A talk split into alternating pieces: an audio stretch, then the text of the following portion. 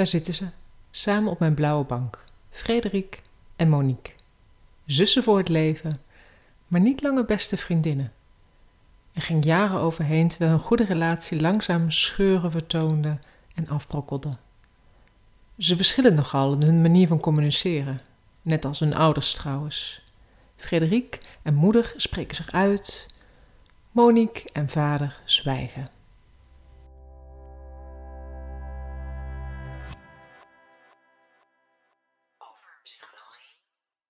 Hallo, ik ben Megala Brok, relatietherapeute en schrijfster. En je luistert naar mijn artikel Spreken en je hart niet breken van overpsychologie.nl. Monique haalt haar schouders op. Haar kaken staan gespannen en haar lippen zijn op elkaar geklemd. Van de spanning begint ze lichtjes te trekken met haar hoofd.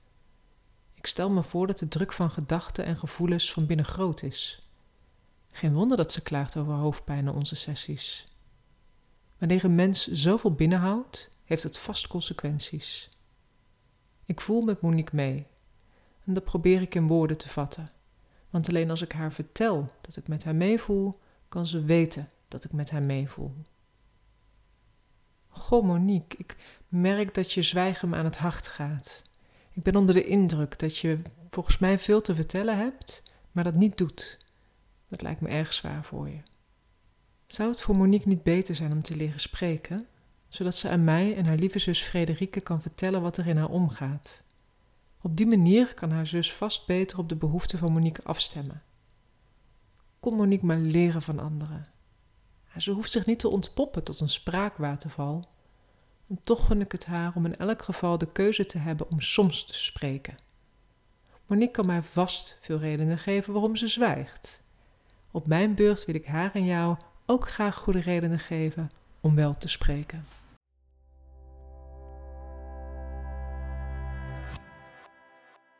Praten geeft intimiteit. Hoewel mensen elkaar goed aanvullen, kun je niet verwachten dat anderen je begrijpen zonder woorden.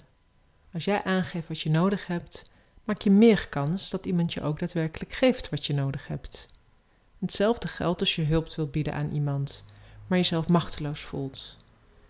Je bereidheid tot hulp verbaliseren maakt jouw intentie kenbaar. Over psychologie.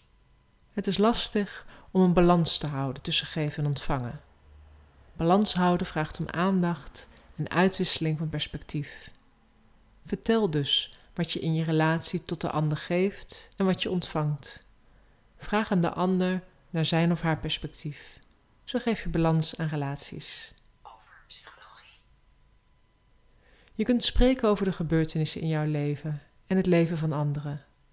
Dat zijn de gebruikelijke ditjes en datjes die wij mensen uitwisselen. Wanneer je een niveau dieper gaat, kun je spreken over de gedachten en gevoelens over die gebeurtenissen.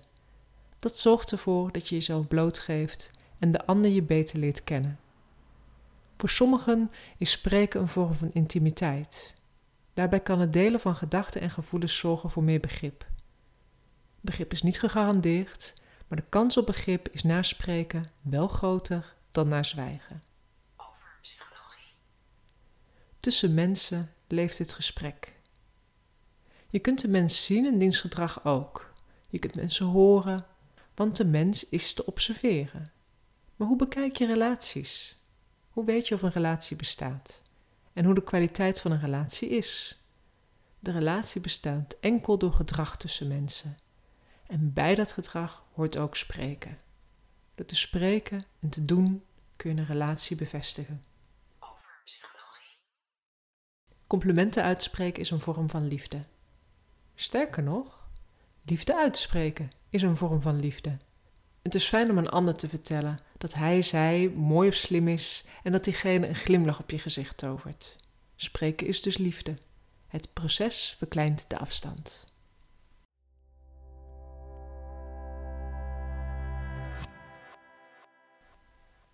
Anders klap ik uit elkaar. Woorden kots. Soms wordt een mens overvallen door een woordenvloed die niet te stoppen is.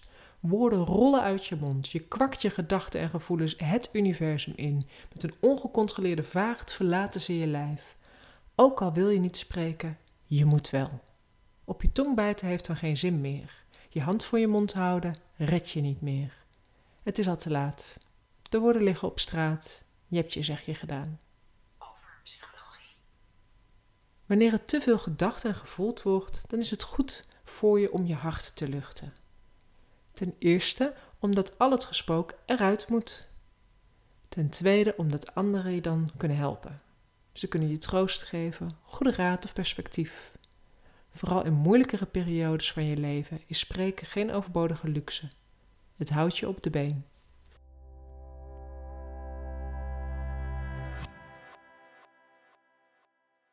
Zo ben ik nu eenmaal. Hoewel spreken geen persoonlijkheidstrek is, het is meer een vaardigheid, is het begrijpelijk dat mensen soms denken dat ze nu eenmaal geboren sprekers zijn, een open boek zijn, het hart op de tong hebben. Openlijk spreken over wat er gedacht en gevoeld wordt, op het moment dat het gedacht en gevoeld wordt. Ja, sommigen zijn er zo gewend aangeraakt dat het voor hen normaal is geworden. Het komt dan wel eens voor dat het gedrag gepresenteerd wordt als persoonlijkheid. En wat maakt het uit of die nuances kloppen of niet? Al pratende wordt de waarheid vastgevonden. Daarom hoef je niet bij voorbaat stil te staan en te piekeren over wat je zegt. Laat komen die woorden, met z'n allen uit volle borst. Zo ben ik nu eenmaal. over psychologie, Jong geleerd is oud gedaan. En dat geldt ook voor het thema communiceren. Hoewel het niet gegarandeerd is dat een kletsende ouders kletsende kinderen voortbrengen. Net zo min brengen zwijgende ouders per definitie zwijgende kinderen groot. Echter, als communicatie in je gezin van herkomst een terugkerend thema was, dan neem je het waarschijnlijk ook in je latere leven mee. Dus spraken je ouders heel veel, dan heb je alle recht om te zeggen dat jij dus ook veel spreekt. Je leerde het van thuis uit. En spraken je ouders veel te weinig, dan heb je alle recht om het helemaal anders aan te pakken en juist oeverloos te spreken. Je leerde het immers van thuis uit. Spraken je ouders precies genoeg? Dan houdt niets je tegen om zonder ballast te communiceren.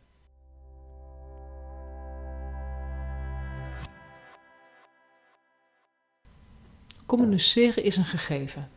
Communicatie is er altijd. Het is in relatietherapie een gevleugelde uitspraak. Mensen communiceren altijd, of ze nu willen of niet. Met die klemmende kaken van Monique, zelfs als ze probeert te zwijgen, communiceert zij met haar gelaat en haar lichaamstaal. Onbewust nemen mensen die lichaamstaal van elkaar gewaar.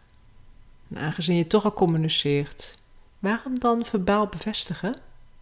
Nou, omdat de lichaamstaal verkeerd geïnterpreteerd kan worden.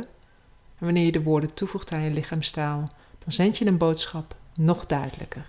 En de kans op verkeerd begrepen worden neemt af. over psychologie, Veel psychologen, psychiaters en therapeuten maken gebruik van gesprekstherapie. Het is dus denkbaar dat wanneer iemand in crisis hulp zoekt, ze in aanraking komen met gesprekstherapie. Wanneer de crisis voorbij gaat, kan dat het gevolg zijn van de gesprekken. De uitkomst laat zich raden. Als je door een gesprek uit een crisis raakte, zal je in de toekomst ook sneller kiezen voor een gesprek. De goede gesprekservaring geeft vertrouwen in spreken. over psychologie, Wanneer een gesprek vertrouwen gaf in het verleden, geeft die ervaring reden om in de toekomst ook te spreken. Hoewel spreken niet je eerste natuur hoeft te zijn, kan het je als nieuw gedrag omarmen en zelfs automatiseren. Hoe vaker je spreekt en daar een succeservaring aan overhoudt, hoe meer je zult blijven doen. Op die manier kun je geconditioneerd raken te spreken. Partners, vrienden, collega's en docenten kunnen jouw hulpbron zijn. Welke mensen leren jou steeds meer vertrouwen in spreken? over psychologie, Mensen oordelen. Het lijkt in onze natuur te zitten om iets te horen, zien, ruiken, voelen of proeven en daarna met een conclusie te komen. Je zult na het lezen van deze zin vast ook een conclusie trekken. Wanneer je accepteert dat je oordeelt en weet dat je oordeel niet gelijk is aan de waarheid, dan is oordelen geen probleem. Spreken helpt je om jouw spontane oordeel hardop te checken bij een ander. Op die manier kun je jouw spontane oordeel aanpassen aan de woorden die je van de ander terughoort. Mooi is dat, zo'n systeem van hoor en wederhoor.